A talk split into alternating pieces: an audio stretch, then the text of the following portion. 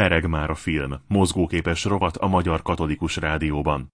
Köszöntöm hallgatóinkat, a mikrofonnál a szerkesztő Gőbel Ágoston. Múlt héten töltötte be 80. életévét a Kossuth Díjas rajzfilmrendező Ternovszki Béla. A népszerű alkotó életműdíjat vehet át a június 7-én kezdődő Magyar Mozgókép Fesztiválon. Egyik tavalyi műsorunkban legnagyobb sikeréről a macskafogóról kérdeztük, most egész karrierjét átfogó beszélgetést készítettünk vele Pomázi otthonában. Ternovszki Bélát hallják. Ternovszki Béla rajzfilmrendezővel beszélgetünk. Kezdjük talán onnan, hogy honnan jött a kreativitás, a rajzfilmek, egyáltalán a művészet szeretete. Ugye apai ágról banktisztviselői vonal, pedagógiai vonal, anyai vonalról, ez a kreativitás, a művészet szeretete honnan érkezett? Egyetemen apám részéről, apám oldaláról, aki ebben a Nemzeti Bankos tisztviselői szerepkörben, illetve a jogászi szerepkörben bezárva érezte magát. Gyerekkorától kezdve hajlama volt a művészeteknek nagyon sok ágára de mivel jogász családból származott, felmenői közt zömében jogászok, illetve orvosok voltak, így ő is ebbe az irányba indult el, majd amikor ledoktorált, mint ügyvéd, akkor a bíró édesapja azt mondta, hogy mm, nem, nem most a bankszakma az az igazi, annak van jövője. Hát ebben volt is igazság, egészen a felszabadulásig, amikor aztán ez éles fordulatot vett, és a bankárság az valami olyan szó volt, hogy ennek a bélyegét elég hosszú ideig viselte, viselték mindazok, akik a bankszakmában dolgoztak, noha nyilvánvaló, hogy a Nemzeti Bank nélkül a népköztársaság sem tudott volna meglenni.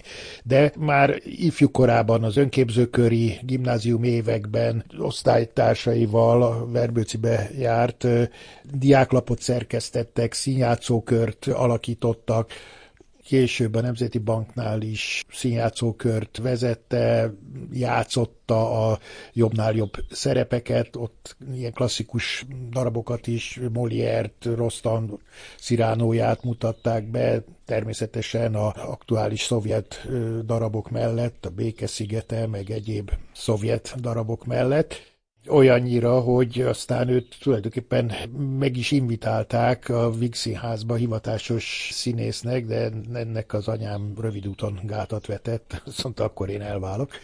Ez az egyik része. A másik, hogy írt darabokat, színdarabokat írt, fordított, Woodhouse könyveket fordított, nagyon jól rajzolt, ügyesen rajzolt, amikor aztán bennem meglátta a család a, a megcsillanó tehetség szikráját, akkor ő pont azért, mert ő benne az a sokféle, mellett hozzá kell tegyem, hogy zenész is volt, autodidakta zenész, aki zenekart szervezett, nagyon jól hegedült, tehát az a nagyon sokirányú művészi adottság és ambíció, ez azért teljesen felaprózta, és mindenben jó volt, még az utolsó ilyen polihisztorok közé tartozott, nem csak művészeti vonatkozásban, hanem olvasottság, nyelvtudás, kulturáltság vonatkozásában is, de aztán ügyelt arra, hogy én, én lehetőség szerint a jobbra-balra történt kanyarok, kitérők után én térjek vissza erre az általa elképzelt és kijelölt irányra és pályára, amit természetesen nem, nem bántam meg, és noha a rajzfilm az nem tartozott a megcélzott pályák közé, oda szinte véletlenül festőnek készültem, és festőszakon végeztem a kisképzőbe, csak akkor indult a Panóniában egy amerikai sorozat, és az akkori panóniás kapacitás az nem volt elég ehhez, és munkatársakat kerestek, és kijöttek a kisképzőbb és a végzős diákok között rajzolni tudó diákok közt verbuválták a leendő rajzolókat. Én aztán ott rekedtem, mert a közeg az rendkívül megfogott. Még egyszer az iparművészetist is megpróbáltam, de egy, egy pótfelvételi, egy hirtelen ötlettől vezérelve kerámia szakra hirdettek éppen pótfelvételit, és mindegy, ugyan abszolút nem érdekel a kerámia, mintázás, de miért ne?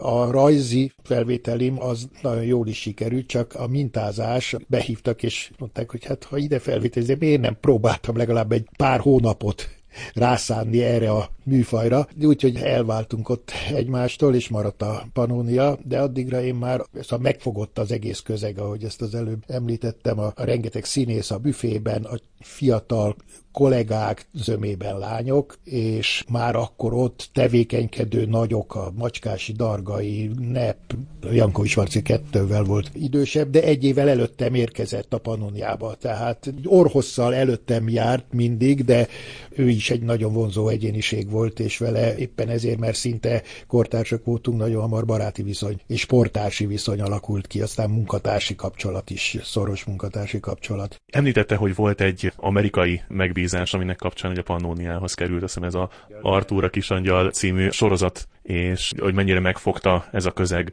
Kinek a csapatába került először? Dargai Attila stábjába, mi azt jelentette, hogy az ő előszobájába, két szoba volt a Dargai stáb, külsőben ültünk négyen vagy öten, ebből négy lány, és én ugyancsak szemrevalóak és ifjak, és meglehetősen pajkosak. Én akkor úgy, úgy oda bekerülve, megszeppenve, a szabadszájúságuktól meglepve, állandóan elpirultam, de ezért hamar segítettek ezen a kezdeti nehézségen túljutni. És a másik szobában, a belső szobában volt a Dargai Attila és a két kulcsrajzolója, én ugye fázisrajzoló gyakornokként kerültem be, két hónapig gyakornok volt, az ember utána már kinevezett fázisrajzoló, és a következő magasabb pozíció az a kulcsrajzoló. Attila a kulcsrajzolóival volt a belső szobában. Ennek az a előnye, illetve hátránya is volt, hogy állandóan átjárt rajtunk, és látta, hogy most dolgozunk, vagy nem dolgozunk éppen. Érdekes, hogy Dargai Attilával később kevesebbet dolgozott együtt. Milyen volt vele emberként, és milyen volt vele a szakmai viszony? Emberként nagyon szerettem, de még munkatársként is nagyon-nagyon szórakoztató, kedves ember volt, szervezett kirándulásokat hozzá, följártunk társasjátékozni, aztán a Jankovics Marci elkért tőle, úgy tűnt, hogy Attilánál a szakmai előmenetelem az nem lenne olyan gyors, mint ahogy a Marci is elindult üstökösként a karrier útján, és az ő vonzás körébe kerülve én is sokkal gyorsabban jutottam előbbre a ranglétrán. Attilánál lehet, hogy nem mind a mai napig, de még nagyon hosszú ideig fázisrajzoló, esetleg kulcsrajzoló lettem volna. Elkerülve tőle fölgyorsult ez a, ez a szakmai karrier, és aztán nem is hozott össze a sors, és ebben akart volna egyszer hívni, hogy dolgozzunk együtt a Ludasmatyiba, de akkor már azért volt együttmunkálkodásunknak szakmai előzménye és tapasztalata, és akkor én nekem az fontosabb volt, hogy az Attilával, mint privát ember megmaradjon a jó viszony és a, a, a tisztelet és a tehetségének a maximális elismerése, és én ezt nem reszkíroztam avval, hogy munka kapcsán esetleg konfrontálódjunk, vagy, vagy konfliktusaink legyenek és adódjanak. Körülbelül egy évtized telt el az első pannóniás munkák és az első rendezések között. Hogyan emlékszik vissza erre az időszakra, mondjuk így a 70-es évek elejére? nem csak az én szakmai fejlődésem és a felgyorsult karrierem időszaka volt, hanem a Pannonia extenzív fejlődése és növekedése időszaka. Egyre több külföldi munka is adódott, de beindult a magyarországi nem csak mozi filmgyártás, hanem a televíziós filmek gyártása, sorozatok gyártása, úgyhogy állandóan csak vették fel az embereket, vették fel az embereket, és állandóan belső tanfolyamokat szerveztünk és képeztük az új kollégákat, és tényleg 10-11 néhány év alatt a fázisrajzoló gyakornokból a önálló rendezésig eljutott hallottam, igen, 72-ben hát készült el az első önálló filmem, de addigra már a Mézga sorozat beindult, és ott már animátorként megmutathatta az ember a adottságait. Nekem az nagyon fontos volt. Én az animációt, az animációs műfajnak a, a legfontosabb munkafázisának tartom. Az animátorok a rajzfilmben a színészek hogy egy játékfilmben ott a rendező, a végére kiírják a legelőkelőbb helyre, de mégis amikor a néző megnézi a filmet, akkor a Darvasivárról, a Törőcsik Mariról, Sósimréről esik szó, és utána kell nézzen az újságokba vagy a lexikonokba, hogy és ki is, ki is rendezte. Jó, hát nem egészen így van, de valahol az animációban a törőcsikek meg a latinovicsok, az animátorok, az ő kezük munkája van benne a filmben leginkább, és az játszatják el az adott figurával az eljátszandó történetet, érzelmeket, színészi játékot, úgyhogy az nagyon szép dolog, és mindenki rendező akar lenni, mert ez a legmagasabb rang és titulus, és nyilván, hogy anyagilag is a legjobban megbecsült, de animáló rendező is, és ilyennek voltak, de nem túl sokan, szóval Dargai, Jankovics, Gémes, Nep, én, mi animáltunk is mi a filmjeinket, vagy teljes mértékben, vagy részben, a mozdulat terveztük is. Én is rendezővé, el akartam jutni a rendezőségig, hogy aztán nyugodtan animáljak, akár a saját filmemben, akár másnak is. Élveztem is, és abszolút nem derogált. Hát ilyen a hierarchia a műfajban.